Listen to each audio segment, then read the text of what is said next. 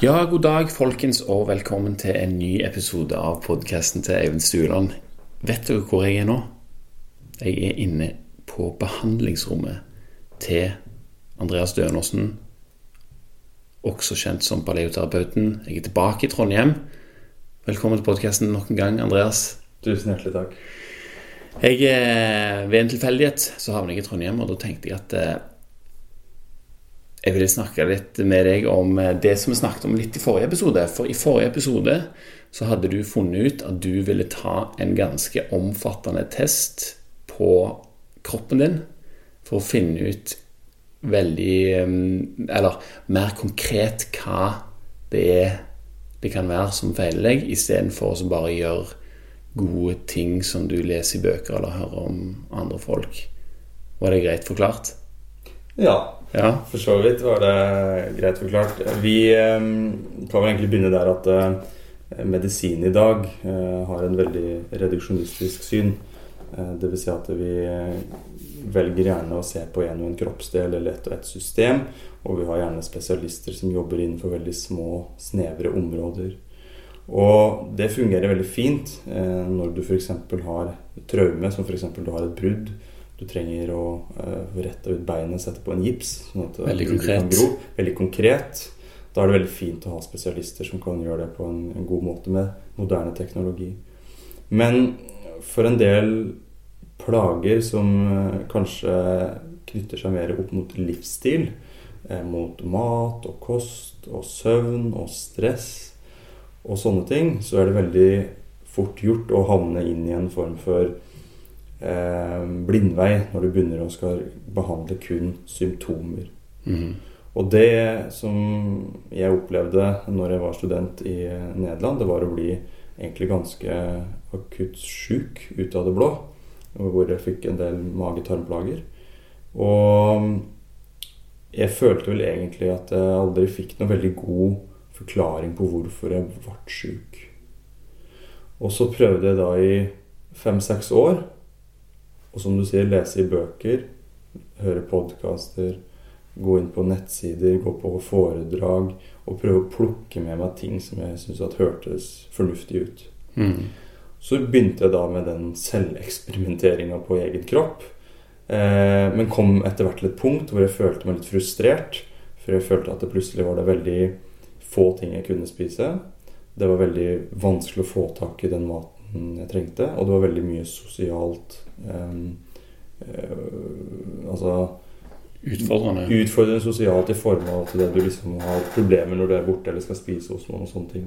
Og da går du jo inn litt i det med, eh, med relasjoner, ikke sant.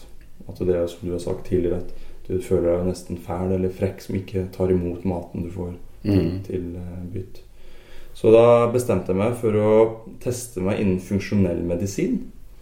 Og funksjonell medisin er da litt sånn som eh, det høres ut. Det er om å gjøre å se på kroppen som en funksjonell, dynamisk eh, organisme som ikke består av kun en hjerne, et nervesystem, et blodsystem, et fordøyelsessystem, men der alt henger sammen, og alt påvirker hverandre. Så funksjonell medisinsk undersøkelse innebærer da å ta en del tester for å se på hvordan kroppen egentlig har det, ned på det biokjemiske nivået. da. Mhm.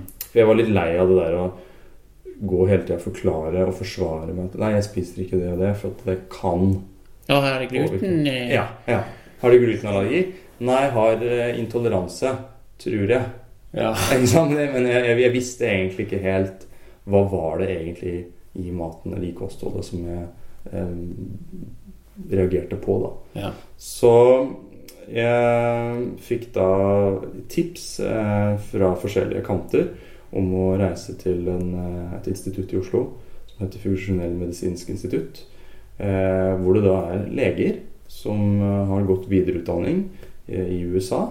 Eh, Alle har vært i ja, de legene som jobber der, har vært i USA for å, ta, eh, for å lære mer om den funksjonelle Medisinske tankegangen. Ja. Som i prinsippet bare er mer helhetlig, eh, og som går litt grundigere til verks. Og der fikk jeg da med meg en testpakke, og det var da ikke mindre enn sju forskjellige prøver. Så de skulle ha blod, urin, hår og avføring. Ja. Og dette, dette er det en, en standardpakke, det, eller er det Eller var det sånn Å, du snakket med dem, og så sa de Å, du trenger denne pakken.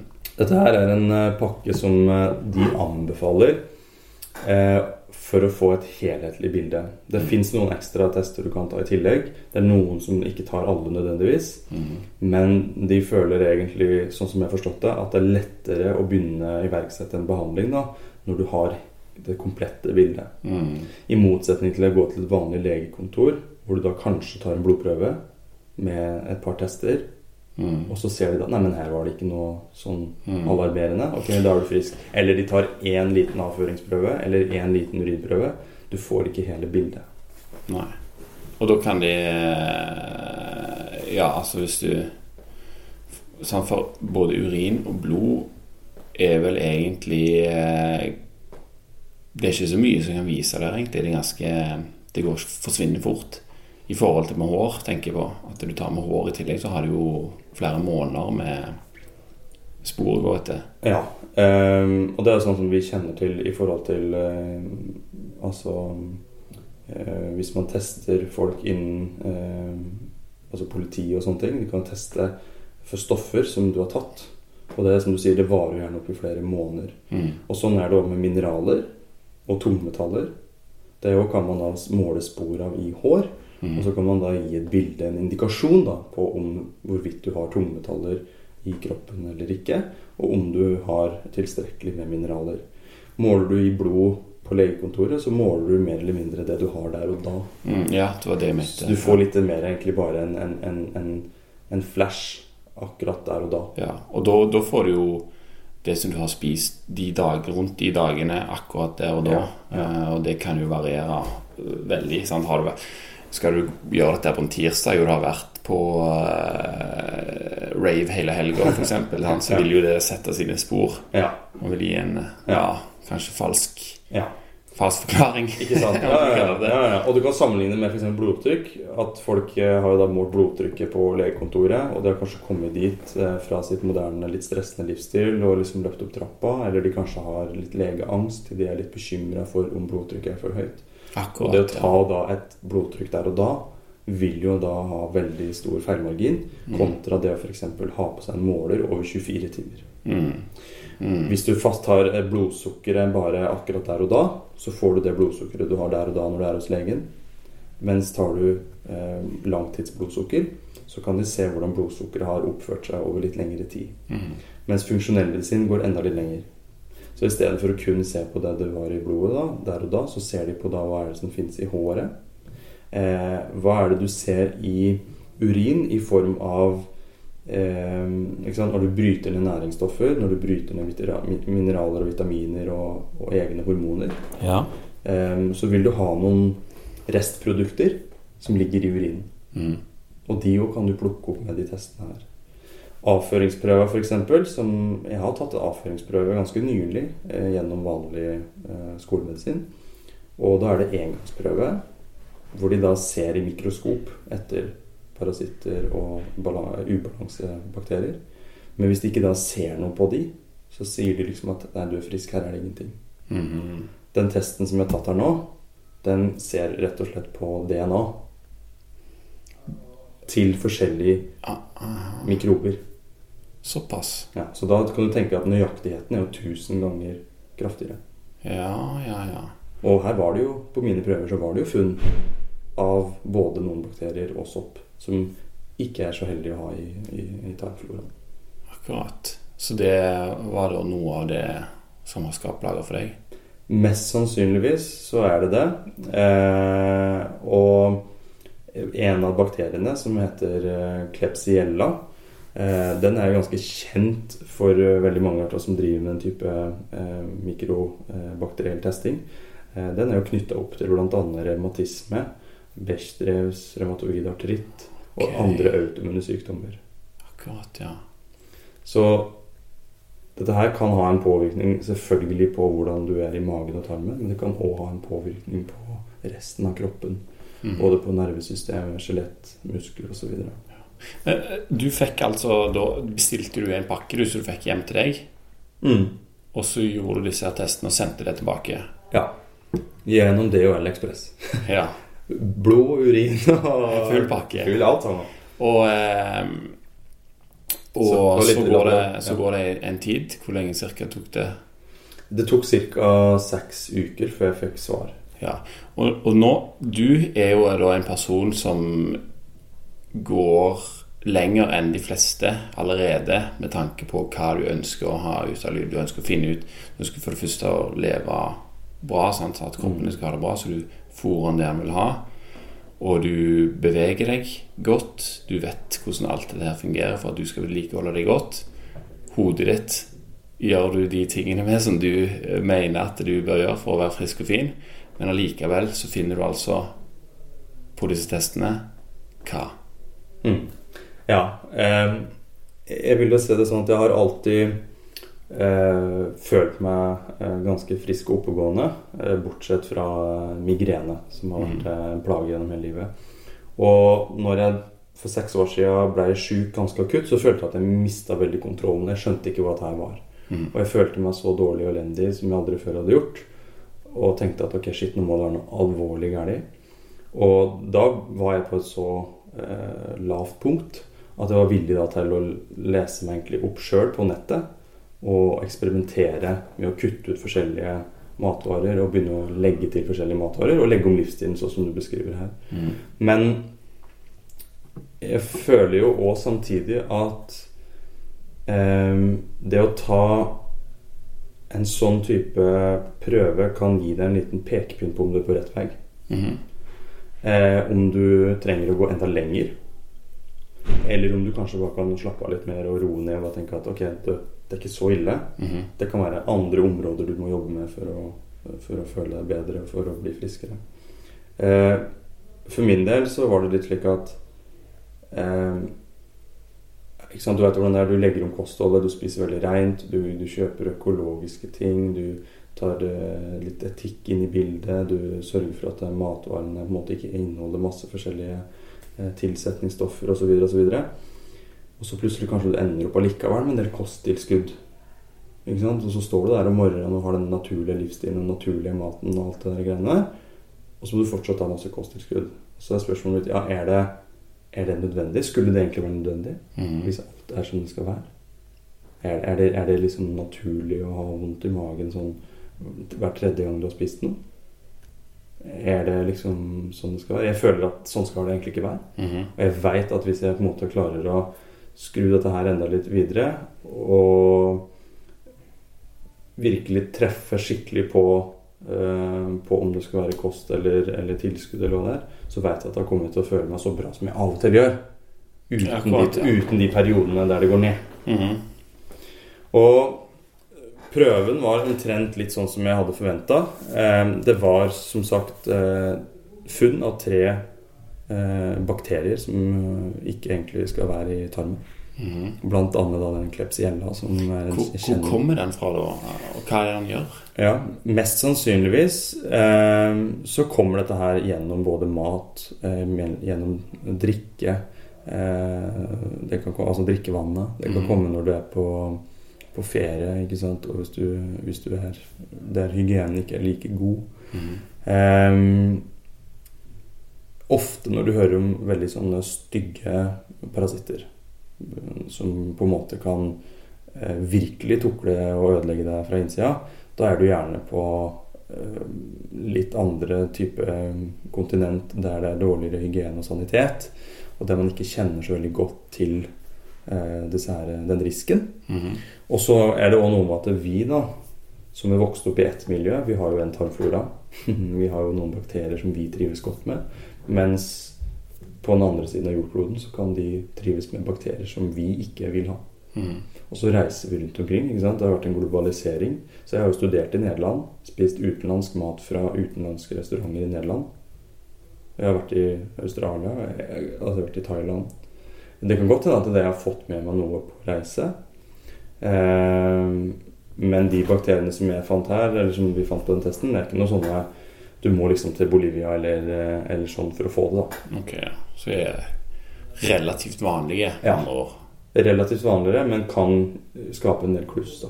Ok, For alle, eller for Jeg tror det er veldig individuelt. Mhm. Jeg tror det handler veldig om immunforsvaret og livsstilen ellers. Mm -hmm. Det går helt sikkert litt an på hva du er utsatt for.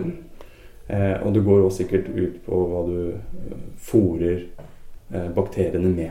Mm. For vi vet jo det at sammensetningen av bakterier avhenger av hva slags mat du spiser. Mm. Så hvis du spiser mye mat som er raffinert på sukker og raske karbohydrater, stivelse, så fòrer du gjerne opp de bakteriene som du ikke vil ha i tarmen din. Mm. Og jeg, hvis jeg ser tilbake på min barndom og mine år som ungdom, så var det jo gjerne den maten jeg foretrakk. Det var jo gjerne Spiser jo det som er godt, Du når du ikke vet Ikke sant? noe annet. Ja. Og hvis du da liksom flyr rundt og du har noen lommepenger, så da er det jo gjerne det som er billig og digg, Ja, selvfølgelig. som det ender opp med. Så klart. To skoleboller og en urge, det Det er perfekt. Ja, det er perfekt. Så, så da fant du altså disse parasittene her, og, og du fant òg tungmetaller. Ja.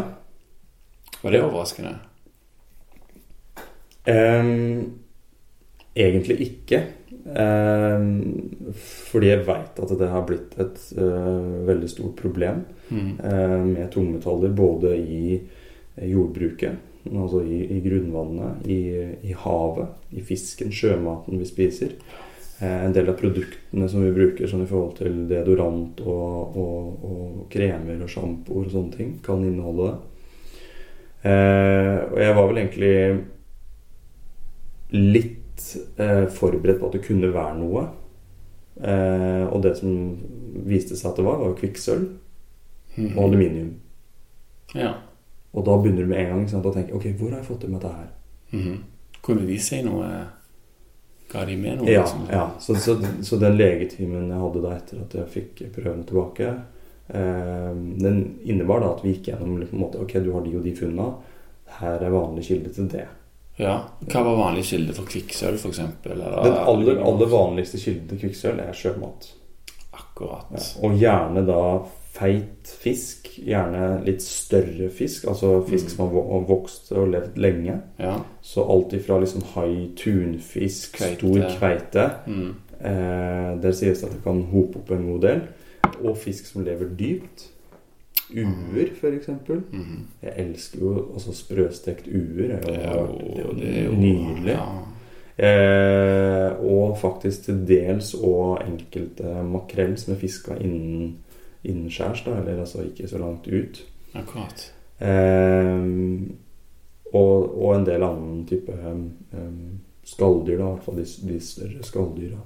Ja. Så har du spist mye av dette? Jeg, jeg har jo ikke det. Jeg har jo vokst opp egentlig på landet. Og i Nederland, eh, midt, midt i landet i to år. Eh, Så det var kanskje egentlig først når jeg kom til Sydney og så videre flyttet til Trondheim, at jeg begynte å ha i meg sjømat regelmessig. Mhm. Men jeg har aldri vært noen sånn stor skalldyrfantast. Eller liksom aldri eh, hatt noe store mengder av det på middagsbordet. Var det mye tungmetall? Var det en, var det en Nei, altså Eller det, var det liksom Hva er normale nivåer? Hva, Ja. eh, Det er liksom en sånn eh, graf da som går bortover, hvor det liksom har et grønt felt, som er liksom det som kalles innafor. Ja. Og det som er innafor der, det er liksom Det er antatt at det er en del av befolkningen har det, uten at det er noe problem med det. Mm. Og så har du det på en måte oransje feltet, og så har du det røde feltet. Mm. Og når du kommer liksom på det røde feltet, så er det litt sånn ok, du har nok godt av å starte avgiftning så tidlig som mulig. For da kan det begynne å gjøre veldig mye kluss i kroppen. da. Mhm. Jeg var på en måte litt inne oransje feltet. Litt inn i det oransje? Ja. Ok, så det var ikke Nei, det var ikke noen sånne store greier. Og legen som jeg var på time hos, sa at eh, den det med tungmetaller, både aluminium og kvikksølv, det er litt forhøya. Du har verdier på det, men det er ikke noe vi trenger å stresse med. Dette her tar vi til høsten. Ok. Nå skal vi først begynne med tarmen, og først få blitt kvitt, eh, bli kvitt de bakteriene som ikke skal være der. Ja, og hva gjør du så? Ja. Hvordan gjør du det? Um, det er på en måte noen skritt som Eller på en måte noen steg som man gjerne tar når man skal bli kvitt ba, eh, ubalansebakterier eller parasitter i tarmen. Og det første, det er jo selvfølgelig sånn som med eh, en vanlig strategi ved, ved krig, det er jo å sulte ut fienden. Mhm. Så det første skrittet det er faktisk å sulte ut de dårlige bakteriene og parasittene. Ok, Ikke gi de mat. Ja. Og da er det det som jeg sa i stad. De elsker sukker og raske karbohydrater. Ja.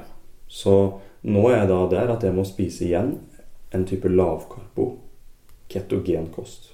Ok, så du er i ketose stort sett. Ja, nå, nå er jeg der, for nå er jeg i den perioden at jeg forbereder meg til den kuren. Så nå er vi der. Vi, vi kutter ned rasjonene, tilførselen til fienden.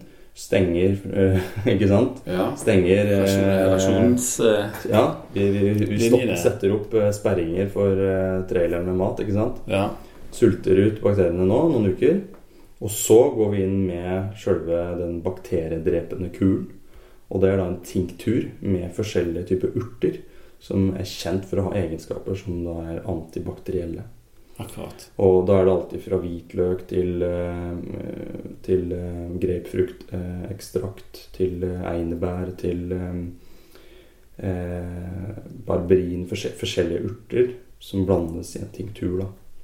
Og tinktur, sant, da er det snakk om dråper du tar. Ja, eller en liten shot. En liten shot Ja. med, med dette her. To Med sprit, eller er det Ja, med sprit to ganger om dagen. Mm, så det blir jo spennende. Hyggelig. Ja, og, og, og bare for å understreke det igjen, dette her er skikkelige leger, Sant? det er ikke noe sånn eh, i en eh, tipi ute i skogen, sant? for det er jo det mange forbinder med Ja. dette her, tinkturer spesielt, og, og urter og sånt, og Ja. hvordan er det dette her eh, henger sammen. Men dette er altså leger som har gått helt vanlig legestudie, Ja. og så videreutdannet seg og implementert dette her inn i det. Ja. Og de er en hel gjeng som Ja. driver dette her eh, ja. senteret. Så det det du kan si, at det er en synergi mellom vanlig legemedisin og det som da kalles tradisjonell medisin, kinesisk medisin, urtemedisin. ikke sant? Du har vært i Kina sikkert, Mm. lukta på det. Ja. Det er jo egentlig noe som har blitt gjort i tusenvis av år. Ikke sant? Både eh, akupunktur og yoga og sånne ting. Det er jo flere tusen år gammelt. Mm. Og folk sverger jo til det den dag i dag. Men her i Vesten så har vi på en måte ikke helt fått opp øya for det nå. Eller vi lukter kanskje litt for raskt Ja. når det andre kom. Ja. Og det er jo ofte et lite problem når det kommer nye ting, at vi bare hiver oss over det og hiver alt det gamle til der vi tror det hører hjemme. Ja. Og så begynner det å tas fram igjen, da. Ja, egentlig. Og, men det som sies, da, at det, det er ikke sånn at det alle får bare urter.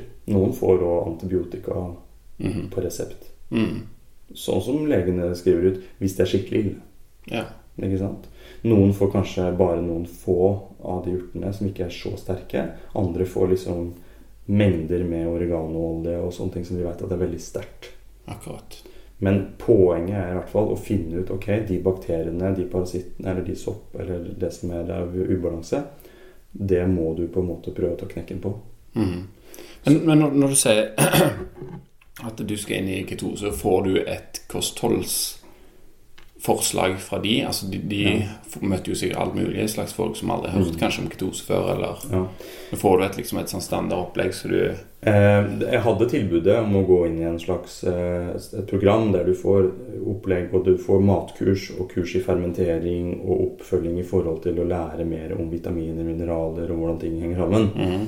Men eh, jeg forklarte det at eh, jeg har jobba med dette her noen år, og at jeg sjøl driver med fermentering og er veldig inn i de tinga.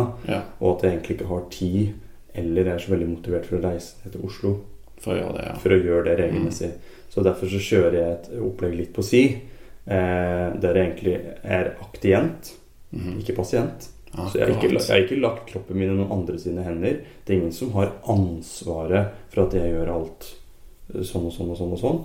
Men jeg får retningslinjer, jeg får veiledning, jeg får tips. Og så må jeg sjøl bestille de kosttilskudda. Jeg må sjøl finne ut den maten som jeg kan ha i meg ikke. Og jeg må sjøl bestille den tekturen og, og, og gjøre dette her hjemme. Akkurat. Så du blir aktiv i eh, prosessen. Du blir aktiv Hvis du vil. Hvis du vil. Mm. Og jeg er jo veldig motivert, ikke sant? Ja. Og jeg har jo, føler nå at jeg har brukt mange år på å prøve å finne ut av det sjøl. Men jeg har liksom ikke klart å, å løsne helt opp i floken. Mhm. Nå så har jeg fått den veiledninga, nå har jeg fått de bevisa jeg trenger for å virkelig sette inn trykket der det trengs. da. ja. Så nå er jeg klar for å gå inn, sulte ut bakteriene, kjøre krigen med angrepet med, med disse her urtene og kosttilskudd. Ja. Hva kosttilskudd er det du går i da? Eh, det er type kosttilskudd som er med på å bryte ned bakterier videre. Og det er òg kosttilskudd som skal hjelpe til med å tilføre bakterier igjen. Ok. Så probiotika. Mm. Mm. Så jeg har fått Standard opplegg, da? Ja, og her har jeg fått, har jeg fått anbefalt f.eks. probioform, som er en kjent flytende Ja. eh, melkesyrebakterier. ikke sant? Og et par, par-tre andre probiotiske tilskudd som jeg skal ta med, på den kuren. Ja. Og i tillegg prebiotika. Ja. Mat til bakteriene. Mm. Til de gode bakteriene. Ja. Så det har jeg en liste på her nå, som jeg har fått. Og der jeg har da liksom bare gått inn og bestilt de forskjellige produkter som jeg skal ha. ja. Så, så det var altså tarmen og de bakteriene som du Mm. har der. Mm. Så du har fått nå en De skal du liksom nå til verks, de, Ja. de greiene der. ja.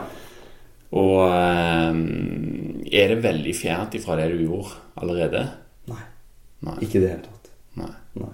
Det er bare mer spist. Mer spissa. Ja. Det er mer spesialretta våpen, for å kalle det det. Mm. Jeg har jo vært innom det å holde meg langt unna eh, sukker og raffinerte karbohydrater lenge. Eh, men jeg har òg på en måte gått inn i en verden der liksom Ok, la oss se litt på plantekjemien og lektiner, ikke sant, fytynsyre. Ting Mm. som kan hindre opptak av næringsstoffer. Snakket jeg noe om det? Ja. Ja. De prata òg om det, ikke sant?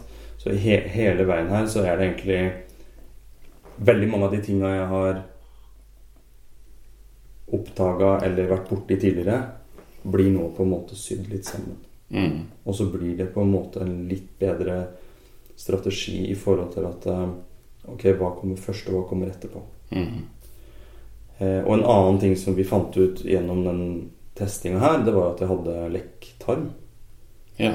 Som da betyr egentlig at eh, eh, matemner eh, kommer ut i blodet før det har blitt fullstendig brutt ned. Mhm. Og at det kan da få en eller ha en påvirkning på både eh, hjernen, på det mentale, på atferden, men også på immunforsvaret, som da egentlig bare Det er sprøtt, altså. Det går på atferden. Ja. Det er vilt å tenke seg. Ja. Det er ikke sånn Det er ikke det vi går rundt og tenker det vanlige at det, 'Å, nå spiser jeg dette. Det kommer til å endre personligheten min.' Nei.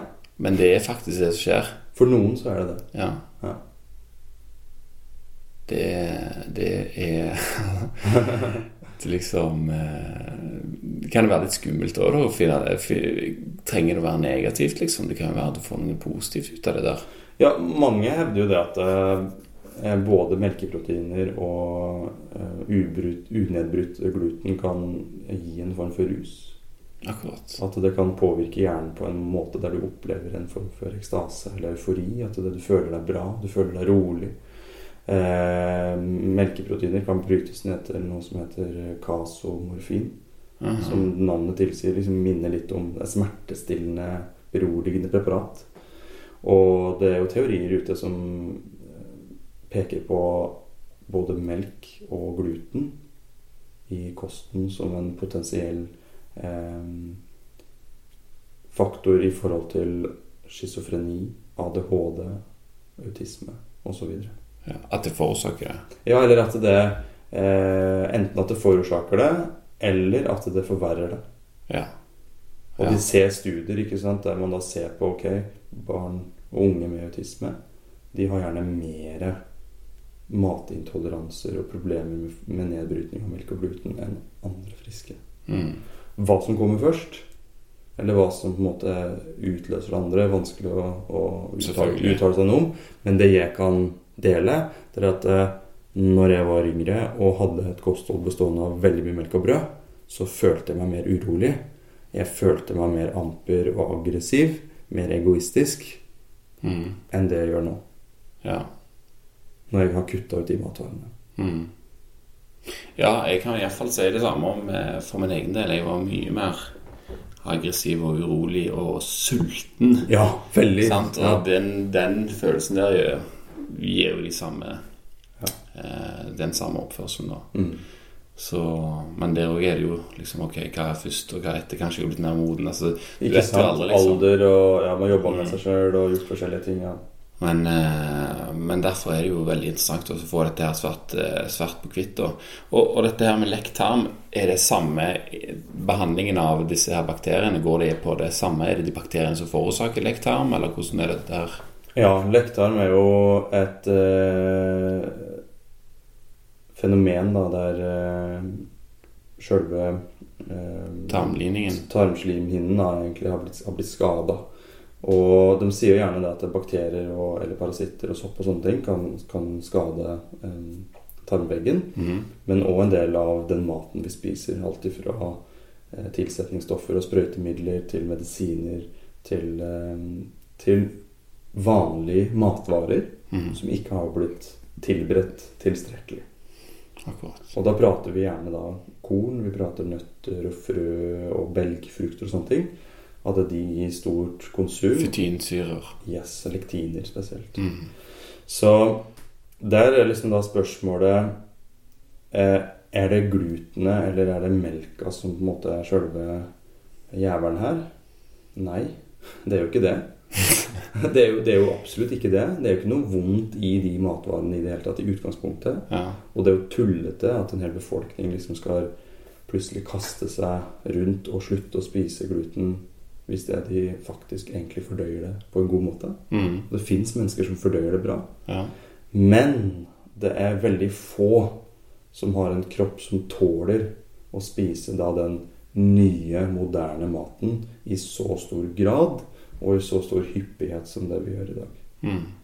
Så for min del så var det veldig greit å få bekrefta ok, du har både eh, glutenpeptider og melkepeptider, og du har en indikator på lekktarm. Mm. Men men hvis du har de peptidene, betyr det at da kan du bryte det ned?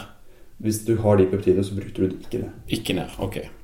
Så det vil si at når jeg spiser melk og brød, så bryter jeg det ikke ned fullstendig, men det lekker ut i blodet Ja. for tidlig, før det er fordøyd. Og da er det potensielt at det kan trigge både atferden min og, og en påvirkning på hjernen. Og at immunforsvaret mitt blir da veldig på alerten. Mm. De må ta seg av dette her. Ja, de ser på dette som inntrengende.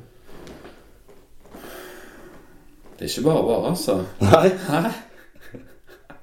Nei, det er utrolig, det er utrolig komplekst. Og Men det er, det er veldig sprøtt, det der. Altså, for det er Det er jo det sånn Jeg har gjort akkurat det samme som deg og tenkt at disse tingene her er det jeg har et problem med. Mm. Og jeg har, vet jo ikke om det er placebo eller jeg som tror det, eller eh, hva det er for noe som gjør det, men melk og brød, det, det er ikke for meg, liksom. Det, det har jeg bare funnet ut. Det er aldri Senest i dag så hadde vi et møte der, jeg, der det kom liksom noen sånne bagetter på bordet.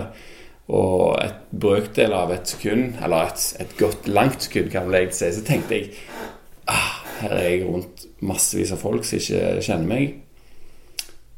Skal jeg gå gjennom den der og si nei takk og få alle de blikk og alle de spørsmålene og sånt, eller skal jeg bare ete det og ta, ta den straffen? Hvilken straff er verst, liksom?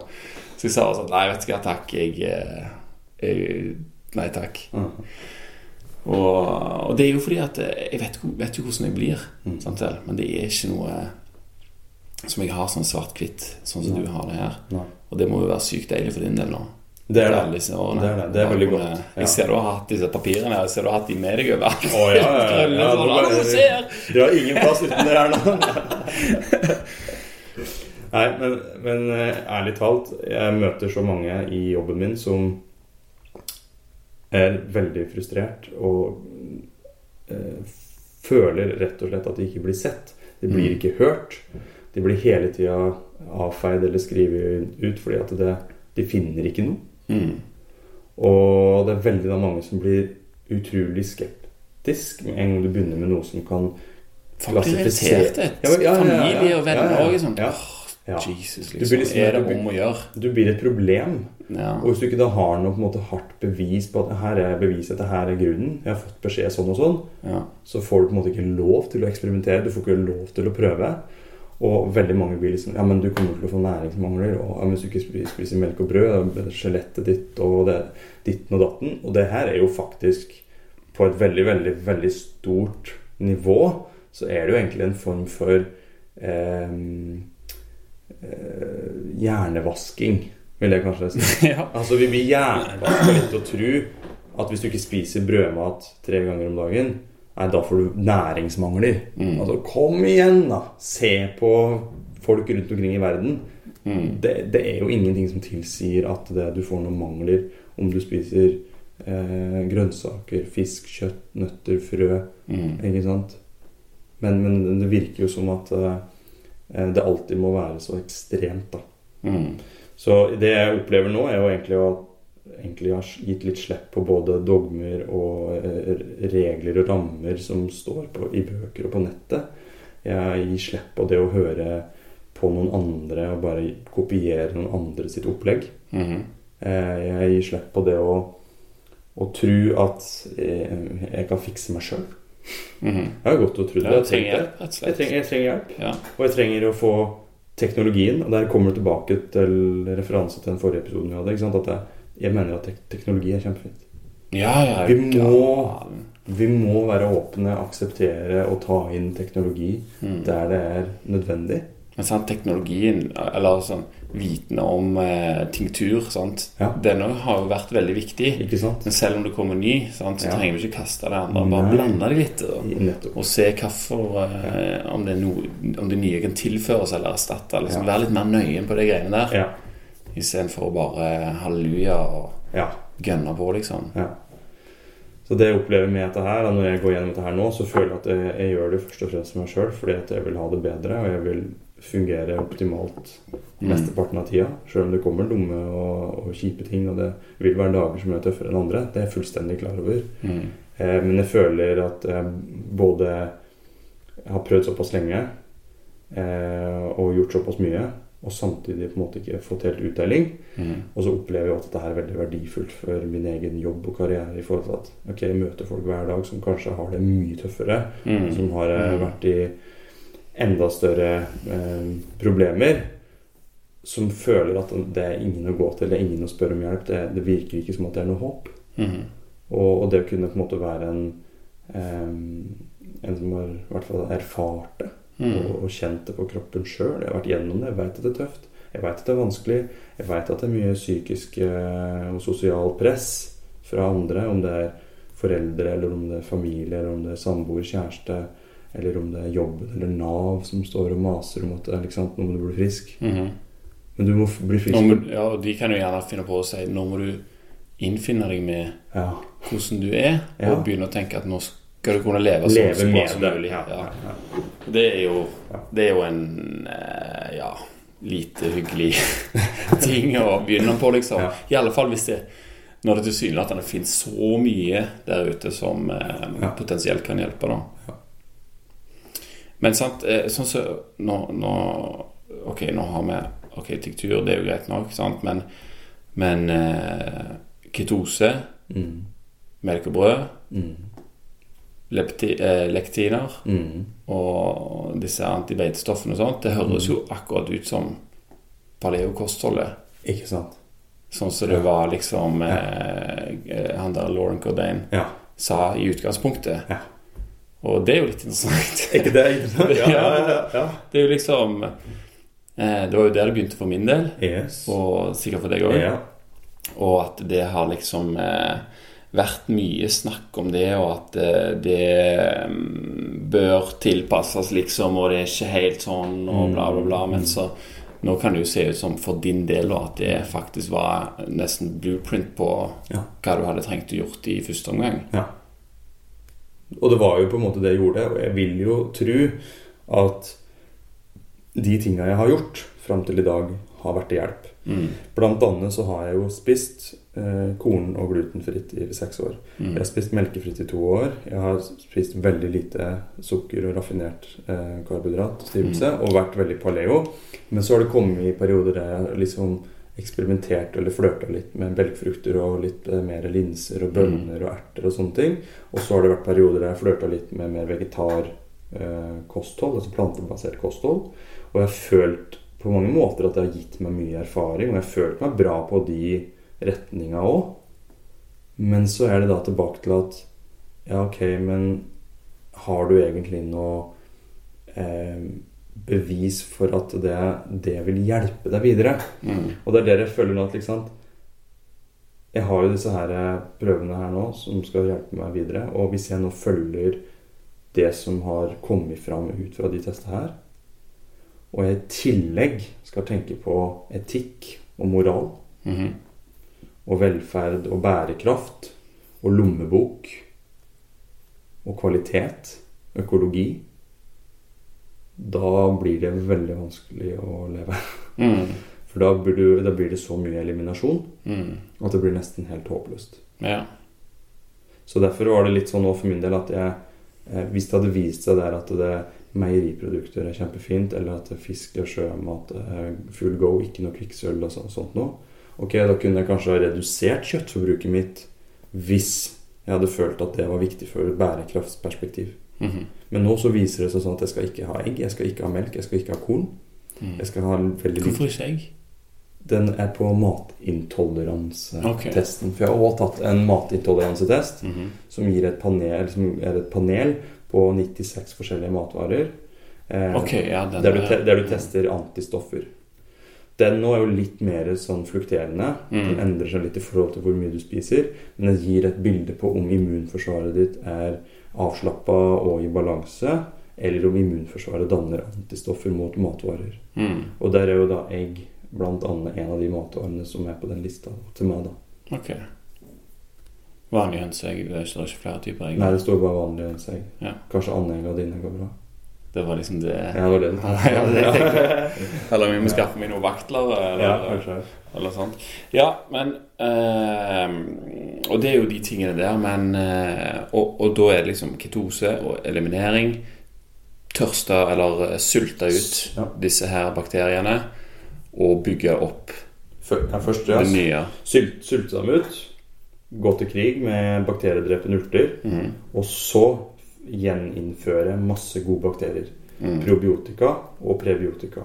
Mm. Og det er sånne ting som jeg vet at Det har jeg visst at det har vært bra lenge. Jeg har drevet Mm. med fermentering nå noen år og holdt kurs i det og lært det bort og sagt til folk at dette her det er kanskje det du trenger for å bli frisk i tarmen, Mm. som igjen kan gjøre Kanskje. Ikke sant? Jeg har sagt det. Jeg har sagt kanskje. Ja, det Men, og for min egen del så viste det seg faktisk nå òg at når jeg hadde den prøvesvaret foran meg, så satt noen legen der og sa ja, se her, ja. Du har, veldig, du har veldig mye melkesyrebakterier og bifidobakterier og forskjellig. Oh, ja. Så jeg hadde mye Mye av det av, goodies. av gu- goodies. Jeg hadde veldig mye av de gode bakteriene. Ja. Så det at jeg har holdt på med fermentering, at jeg har tatt litt probiotika i ny og ne, og at jeg har spist kraft og sånne ting, det har mest sannsynligvis hatt en veldig god påvirkning på tarmen min. Da. Ja. Uh, hvordan var det med mineraler, da? Mineraler var sånn Det var litt, det var litt mangler der, ja. Var det det? ja, det var det. Ja. Um, det var spesielt på um, noen litt mer uvanlige mineraler, sånn som eksempel ja, det, var, det var litt lite på sink, um, men ikke noe sånn horribelt. Og så Mhm. var det litt lite på manganes. Mm -hmm. uh, og så var det veldig lite på ting som litium. Som, Spiser du ikke batteriene dine? Nei, det var det jeg sa til legen. Liksom sånn, Spise mer iPhone-batteri. Eh, men eh, det er visstnok et mineral som veldig, veldig få får i seg, og som visstnok er veldig vanlig at man eh, veldig enkelt kan øke med, med tilskudd. Ja. Så, Samme er jo med sink. Det er jo, det er jo Ja, en av de ja. store som forsvinner i jordbruket. Nettopp med magnesium. Magnesium og sink, ja. Men så sies det òg at mineralmangler kan være et resultat av kvikksølvforgiftning eller ja, for det var mitt neste spørsmål. Sant? For de andre tingene der, de er jo greit nok, men så har du tungmetallene. Hvordan skal du få de vekk? Du, det veit jeg faktisk ikke. Eh, Det, det skal du ta til høsten, det skal jeg ta til høsten. Ok, så du får ikke noe mer eh, Nei, vi konsentrerer meg om én ting av gangen. Okay, ja. Men det første jeg skal gjøre, er å slutte å ha i meg eller ha på meg de tingene som kan inneholde kvikksølv og aluminium. Og det deg. da- Hva ting er det, da? Jeg har hatt en sånn krystall, sånn deodorant. Sånn økologisk eh, earth mineral-krystall. Som er liksom kjøpt på, kjøpt på vanlig matbutikk og liksom sett naturlig og bra ut. Ja, Den inneholder jo aluminium. akkurat, ja. Så nå har jeg liksom bare fått kasta unna den. Mm. Og så har jeg da redusert på min daglige dose med sardiner eller makrell. ja. For jeg har alltid veldig, veldig glad i å lage salat med sardiner og sånne ting. Ja, jeg spiser mye sardiner. Ja, og King Oscar, vi vet jo den er jo veldig god. Den er jo Jo. lettrøkt, kun salt, olivenolje, extra virgin. Mm. Den, et godt produkt, vil jeg si. Og I forhold til det er jo bevisst valg, det med sardiner. Ja. For det er en liten fisk Yes. som har akkumulert lite tungmetaller. da. Yes. Men sant, hvis du spiser det veldig mye, Ja. så er det jo du som akkumulerer, akkumulerer de Nettopp tungmetallene. Så ja. det kan jo bli litt av det likevel. og det er jo ikke én fisk du spiser når du spiser en sånn boks. Nei, det er en liten gjeng. Det er en liten gjeng. Og det som er problemet er at den gjengen Den svømmer ofte litt høyt oppe i vannet. Og der er det mikroplast. Og mikroplast det følger noe med når de spiser. Og mikroplasten har en sånn magneteffekt, og de trekker til seg forskjellige stoffer som forurenser. Ja vel. Ja. Det var jo hyggelig. ja. Åh, nei, jeg, må, jeg, oh, jeg blir nervøs. Jo, jo, jo. Jeg kjenner jeg blir litt nervøs, altså, for Vi har, eh, vi har altså, det, du, dette, Jeg har, kunne jo veldig godt tenkt meg å tatt en sånn test til dette her og liksom funnet ut alle disse tingene her og sånt men jeg har liksom Jeg kunne jo selvfølgelig gjort det, sant? men jeg har ingen sånne problemer Nei. som jeg føler at jeg kan Nei. Da ser jeg ikke noen grunn til det heller, egentlig. Du ser ikke det, nei? Nei. nei. Nei, jeg gjør ikke det. Kona mi har liksom noen ting som hun sliter litt med, litt sånn leddting og sånt, så hun har mer Hun kommer til å gjøre dette her nå. Hun er veldig spent på hva vi skulle snakke om her, og gleder seg veldig til å høre. Ja. Så, men det er liksom litt mer Da vil jeg heller at eh, hun skal gjøre det. Men eh, jeg lurer på de der tungmetallene altså, når hun spiser det. Altså, Jo, men der igjen så sier jo disse her eh, legene borte på, på det senteret at uh, du uh, har personer som har veldig gode avgiftningssystem. Ja. Som på en måte Ja, du kan spise eh, fisk og sjømat og kvikksølv der. Er det en lett, lett måte å finne ut det på? Er det blodtype, eller er det hva Nei, jeg veit ikke helt. Jeg tror kanskje det, den enkleste måten ville kanskje vært å, å spise veldig mye mat som du antar inneholder kvikksølv. F.eks. For eksempel, hvis du finner ut akkurat det, og så ta en blodprøve etterpå for å se om det, om det har gått opp. mm. Og så vente noen uker og ikke spise, og så se om det har gått ned igjen. Okay, For ja. kroppen skal jo egentlig avgifte seg sjøl. ja. Men så kommer det som er interessant, da.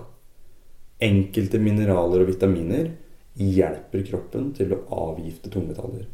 Ok, så de binder seg, eller? Ja, Så de, de liksom hjelper til å dra det ut av kroppen. Mhm. Hvis du har en tarm som ikke fungerer optimalt Mhm. pga. dårlige bakterier eller parasitter, Så kommer de tingene ut i så får du ikke tatt opp de mineralene og vitaminene. Ja. Og da klarer du heller ikke å avgifte like bra. Mhm. Så jeg skal òg ta en annen protokoll som heter kryptopyroler.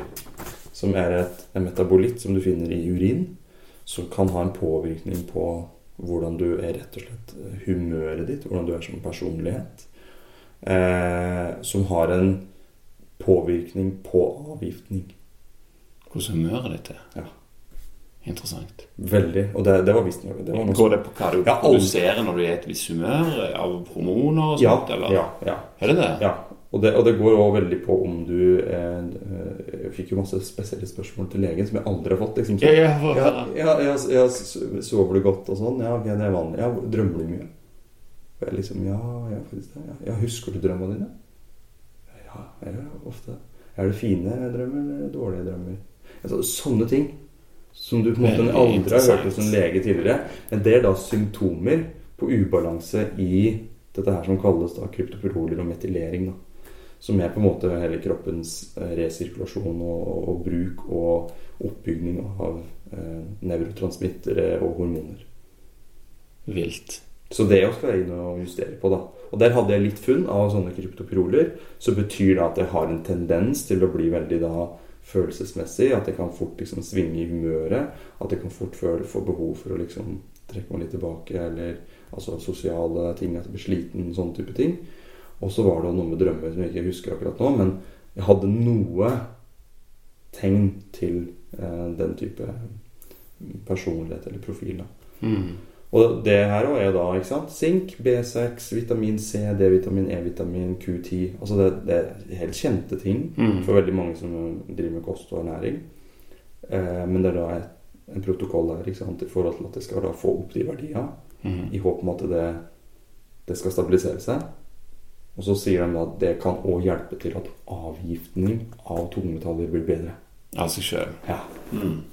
Så når dette her er i balanse, så skal det fungere helt Ja. greit. liksom. Du skal kunne spise sardiner og, og sånt uten at det, det får sjanse til å akkumulere Ja. seg. da. Ja. At det går ut litt og litt hele tida. ja. Så jeg ser noen år fram i tid, så vil jeg anta at da kan jeg spise sardiner, men jeg trenger kanskje ikke å spise en boks for dagen, liksom. Eh, og jeg kan helt sikkert eh, kose meg med eh, litt eh, belgfrukter, altså om det er bønner eller kikerter og sånne ting, iblant, sjøl om det inneholder lektiner. Ja, for da har du liksom bygd opp en, en slags Buffer. buffer Ja, som ja. tåler det, rett og slett. Men du kan ikke gjøre det hver dag hele tida. Nei. nei. Ja. Nei, det gir jo veldig god mening, det.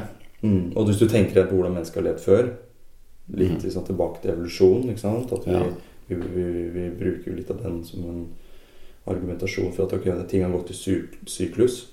Vi har hatt en, en, en vår, og så en sommer, og så en høst, og så en vinter. Og tilgangen på forskjellig mat har endra seg. Mm. Ikke sant? Man spiste ikke umoden frukt. Mm. En grunn til det, på en måte. Ja. Og, og, og alt det der var jo Frukt var jo ikke søtt sånn som vi har frukt nå i dag. Sånn. Det var jo mye mer bittert og surt og, Ja. og de tingene der. Men når vi bare snakker om det sånn hvordan vi har Jeg må bare si det at det, hvis vi vil forstå mer dere som hører på, da. Hvis jeg vil forstå mer om akkurat det der, hvordan vi har utvikla seg, og sånn, så vil jeg bare anbefale å først lese 'Selfish Gene' av eh, Richard Dawkins, og så følge opp med, med 'The Story of the Human Body' av han eh, Daniel Liebermann. Og så kanskje avslutte med 'Sapiens', da. Da har du fått en veldig sånn Da forstår du ganske mye. Sånn, for den eh, selfish gene, da forstår du hva som skjer faktisk på gennivå, uten at det har med organismen å gjøre i det hele tatt. Liksom, det er kun genene, hvordan de prøver å overleve.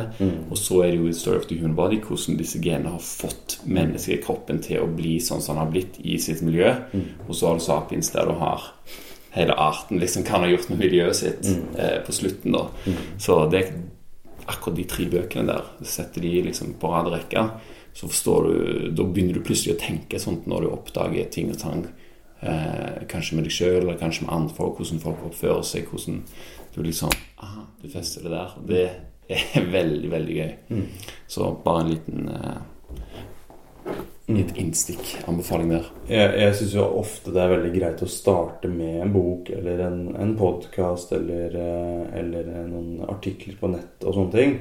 Eh, så lenge man har noen å eh, diskutere det med, reflektere eh, over ting.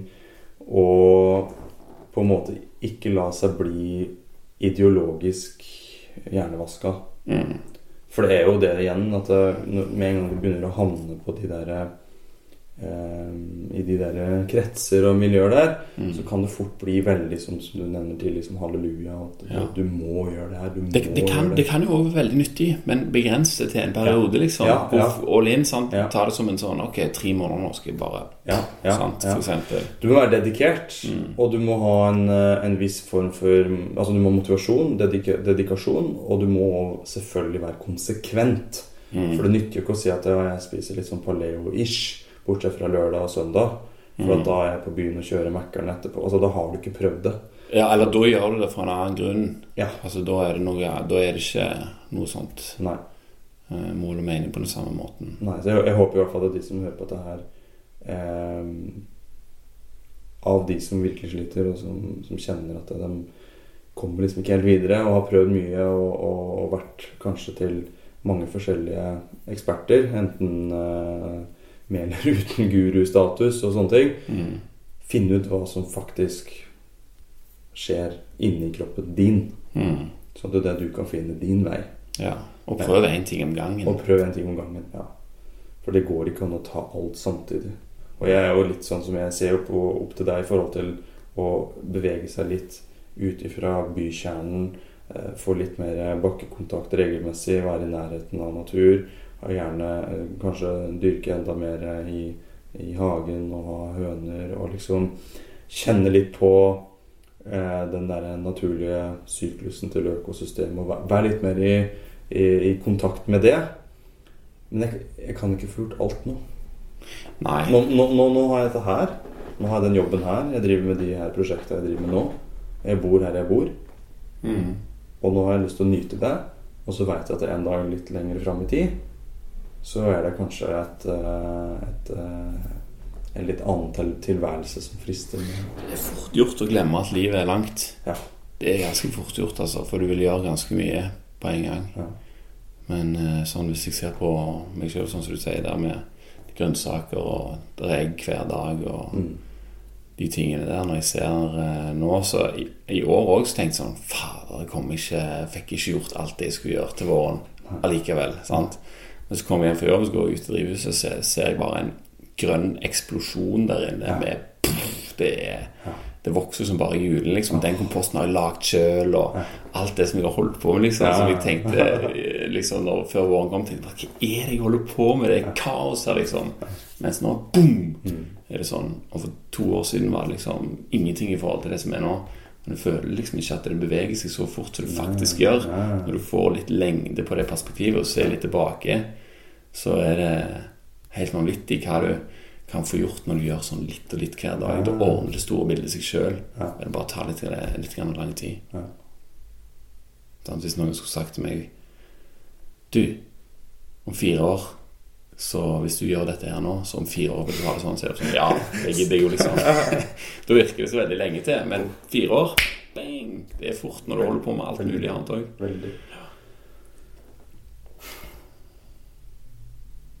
Mm. Moment of silence. Det er godt. Ja. Nei, dette var veldig interessant å, å høre om. Og jeg jeg, det har pinadø meg godt eh, en liten time allerede. Mm. Eh, veldig kjekt å høre om masse ting her som jeg har lurt på mye sjøl. Og det er ekstremt interessant når du får det så konkret, altså. Jeg, jeg må bare spørre hvor mye kosta dette her, hvis du vil si det? Bare sånn at folk Ja. vet. Eh, den eh, pakka som jeg tok på sju eh, prøver, som er litt av spesialisert, den kosta ca. 11 500. Ok. Med en sånn time etterpå, da. Nei, den kommer i tillegg. Og den kommer i tillegg, ja. Og da kan du ta deg en tur til Oslo òg, da. Ja, Da er det 1500 kroner for en sånn enkel legetime. Ja. Så dette er jo privat.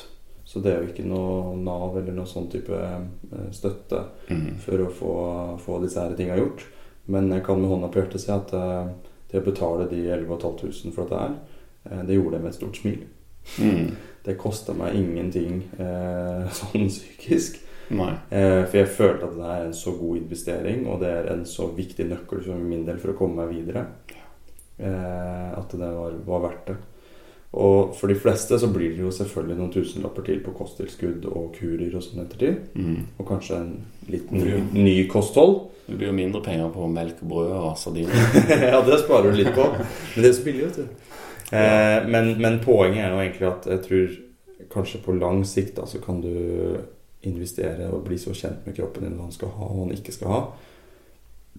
At du kommer liksom ikke til å kjøre deg tom for bensin og stå midt ute i, i, i skauen og liksom ikke hva gjør jeg nå? Mm.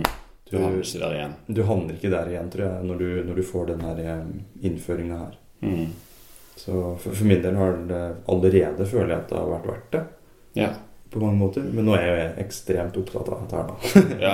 Jeg er jo Og veldig nerding. ser jo, ser jo verdien med en gang. Men det som, det som kan være en grei, grei måte å, å tenke på det, er jo da sånn Ok, jeg tenker jeg blir frisk nå i ti år, da. Ja. Sant? Det er 11 500 pluss 1500, altså Ja. 13 000 kroner delt på ti år. Ja. 1300 kroner i året. Ja. Det blir 1000 Nei, 100 110 kroner i måneden, liksom. Det er jo ingenting. Nei. Nei. Så det går jo an å så forsvare for seg sjøl hvis en føler det er ubehagelig. Ja, altså For det er jo liksom Ja, det er jo, det er jo en del penger, da. Ja, altså, det. for mange så er det litt sånn i forhold til at ok, du vil jo, du vil jo kanskje helst bidra med noe her. Du vil jo kanskje helst enten uh, få deg en jobb eller skape deg en jobb. Du Mm. vil jo helst ha noe du skal livnære deg på. Du vil jo helst uh, få utretta noe.